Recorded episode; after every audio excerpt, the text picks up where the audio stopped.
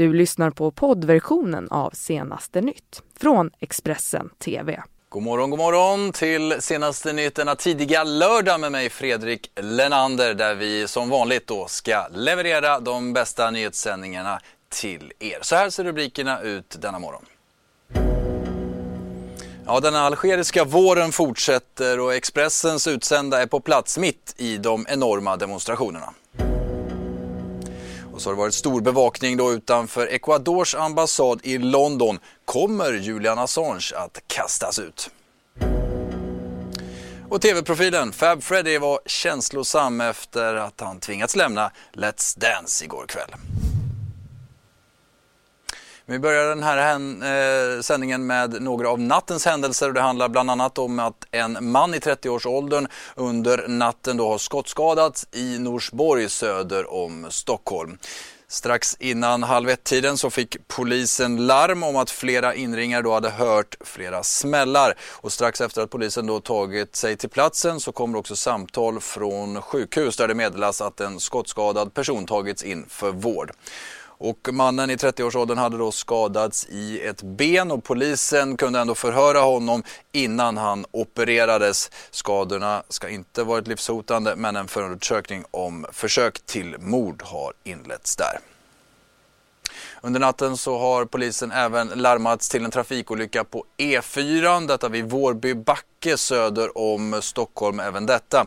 Strax efter halv fyra-tiden så hade en gravid kvinna fått punktering och blivit stillastående i körbanan där. En polispatrull som körde förbi fick syn på kvinnan och stannade för att titta till henne. Då kommer en tredje bil, en bil framförd av en man i 30-årsåldern som misstänks vara rattfull. Han kör in i kvinnans fordon, sen krockar han även med polisbilen. Kvinnan får då ambulansvård på platsen men uppges inte vara allvarligt skadad. Hon var dock orolig och chockad med tanke på hennes status. Det här säger polisbefälet Mikael Pettersson på ledningscentralen. Poliserna som satt i patrullbilen när krocken skedde ska inte ha skadats. Den eh, manliga föraren blåste positivt på platsen och tog sedan också in för ytterligare provtagning på polisstation. Misstänks alltså för rattfylleri där. Vi fortsätter utrikes, för efter massdemonstrationerna så avgick ju Algeriets president Abdelaziz Bouteflika här i veckan och den algeriska våren har fortsatt då i oförminskad styrka. Stora protester på gatorna som ni ser och under gårdagen så vann folkmassorna på Algers gator mot dem som hade hoppats på en utmattning av protesterna. På fredagen fylldes gatorna i Algeriets huvudstad Alger för sjunde veckan i rad med folkmassor och grönvitröda fanor. Landets president Abdelaziz Bouteflika avgick tidigare i veckan men demonstranterna kräver nu en förändring av hela regeringen och ledarskapet. På ett av torgen hade ett par unga män symboliskt avrättat några dockor med hängning.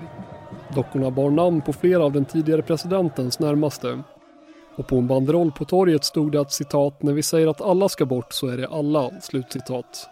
Det finns som en kontrast mellan, eh, eh mellan de här, eh, ska man säga, festliga stämningen och väldigt allvarliga argument som ligger framåt. Man ser hur de vill hänga folk, många av ledare. De har listor på vilka ledare de vill, eh, de vill ha bort i det här stora den här stora sopkvasten som vill dra över hela ledarskiktet. Så det har varit väldigt blandade känslor här, men massiv uppslutning. Gatorna här nedanför oss har varit absolut eh, svarta av folk. Det har varit packat ända in på smågatorna överallt, inte bara på de stora boulevarderna. 62-åriga Amal var en av dem som tagit sig ut på Algers gator på fredagen. We want our freedom and we want a new republic, inshallah. So who do you want to see in power of Algeria? The young people! The young people! This is a very young people! They need to be in power in Algeria. Enough, enough, enough of old people! De makthavande i Algeriet har under de senaste årtiondena kraftigt subventionerat mat och bränsle.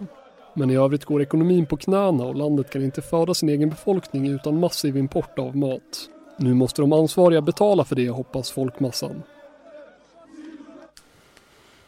Och vi går vidare till uppståndelsen i London. Det handlar naturligtvis om Wikileaks grundaren Julian Assange som under gårdagen fick stor bevakning utanför ambassaden där han ju sitter sedan sju år tillbaka. Detta efter uppgifter från just Wikileaks om att han kommer att kastas ut ifrån Ecuadors ambassad inom kort. Vår utsända Daniel Ingmo bevakade detta under gårdagen och gav den här rapporten sent igår kväll. Under dagen har eh, journalister, aktivister och fotografer samlats här utanför Ecuadors ambassad i London med blickarna riktade mot den dörren där. Där kunde nämligen Julian Assange i vilken stund som helst kliva ut detta enligt alltså ett blogginlägg som Wikileaks skrev under gårdagen där man menade att det endast var timmar eller möjligtvis dagar innan Wikileaks-grundaren Julian Assange skulle kastas ut från ambassaden där han har bott i nästan sju år. Det här efter att relationen mellan Julian Assange och den ecuadorianska staten har försämrats allvarligt, inte minst efter publiceringar som visar på misstänkt penningtvätt hos Ecuadors president. Den här publiceringen har fått eh, regeringen i Ecuador att reagera kraftigt och man har sagt att det kommer att ske konsekvenser. Och eh, Julian Assange själv, han tror att det bara är en fråga om kort tid innan han kastas ut från ambassaden. Detta enligt en vän och journalist som besökt honom tidigare under dagen. Vi journalister och aktivister har inte ännu sett något spår av Julian Assange, men om han skulle kliva ut här, då finns det en stor risk att han skulle bli gripen på omedelbart. Detta eftersom att brittiska brittisk polis har en order att arrestera honom och USA vill också få honom utlämnad. Och där skulle han riskera ett långt fängelsestraff efter de publiceringar som gjordes 2010 med läckta dokument från USA från kriget i bland annat Irak och Afghanistan. Och Daniel träffade även Vaughan Smith som driver en journalistklubb som tidigare då gett Assange skydd och eh, så här lät det när han intervjuades under gårdagen. What is his wishes now? Does he want to stay here or does he want anything else to happen? Uh, no, he clearly would like to stay here.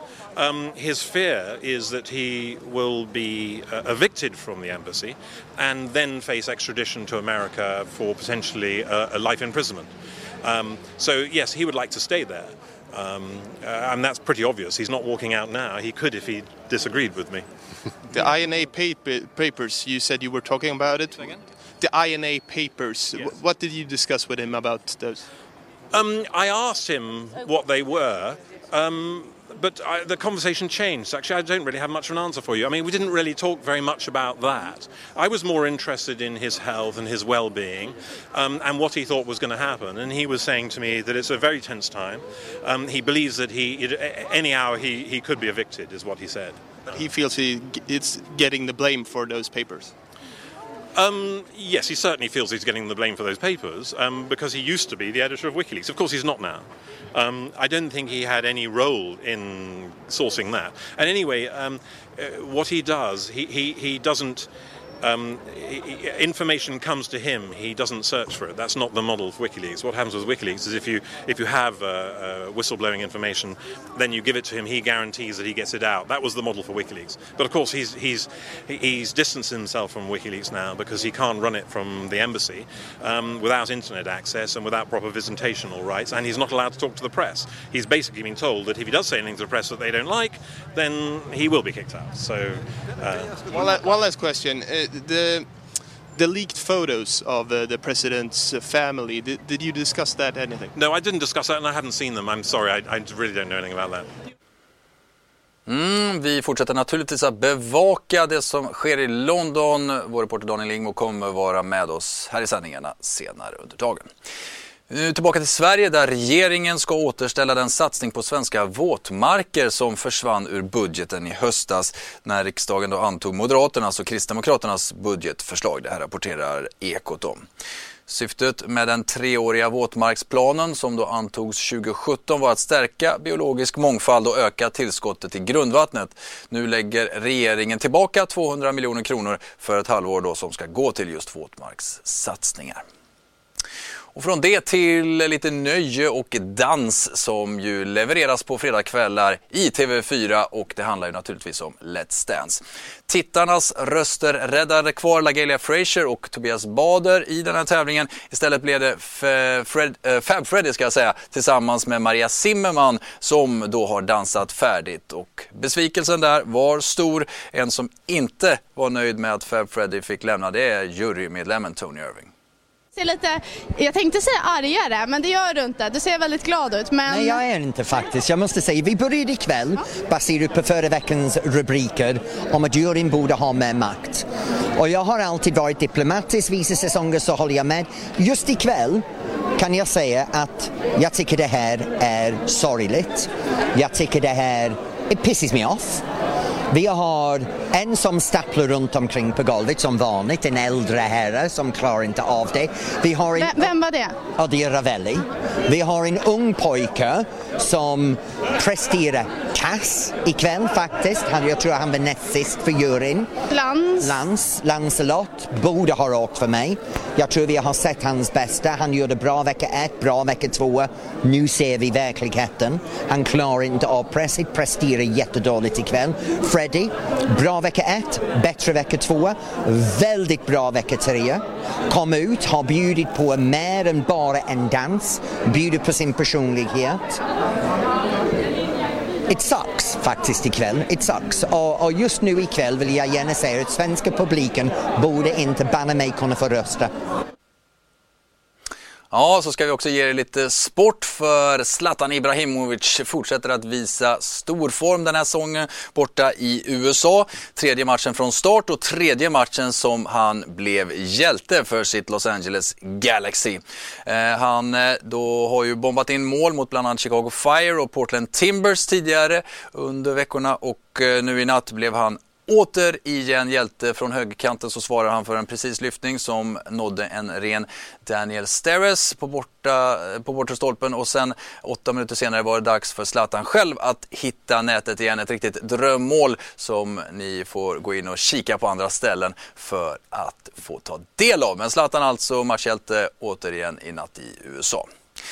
Här hemma i Sverige så spelas det ju en riktigt härlig landskamp senare under dagen. Det handlar om damerna som tar emot Tyskland på Friends Arena och det står redan klart att det här blir en rekordmatch.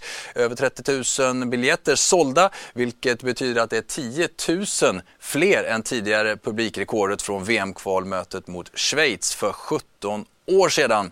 Och eh, landslagskaptenen Caroline Seger, hon är riktigt glad för att få ta del av den här matchen, medger att det är en barndomsdröm som går i uppfyllelse. Och Expressen bevakar naturligtvis den här matchen som startar klockan 13.45. Missa inte detta helt enkelt. Du har lyssnat på poddversionen av Senaste nytt från Expressen TV. Ansvarig utgivare är Thomas Mattsson. Ett poddtips från Podplay. I fallen jag aldrig glömmer djupdyker Hasse Aro i arbetet bakom några av Sveriges mest uppseendeväckande brottsutredningar. Går vi in med hemlig telefonavlyssning och, och då upplever vi att vi får en total förändring av hans beteende. Vad är det som händer nu? Vem är det som läcker?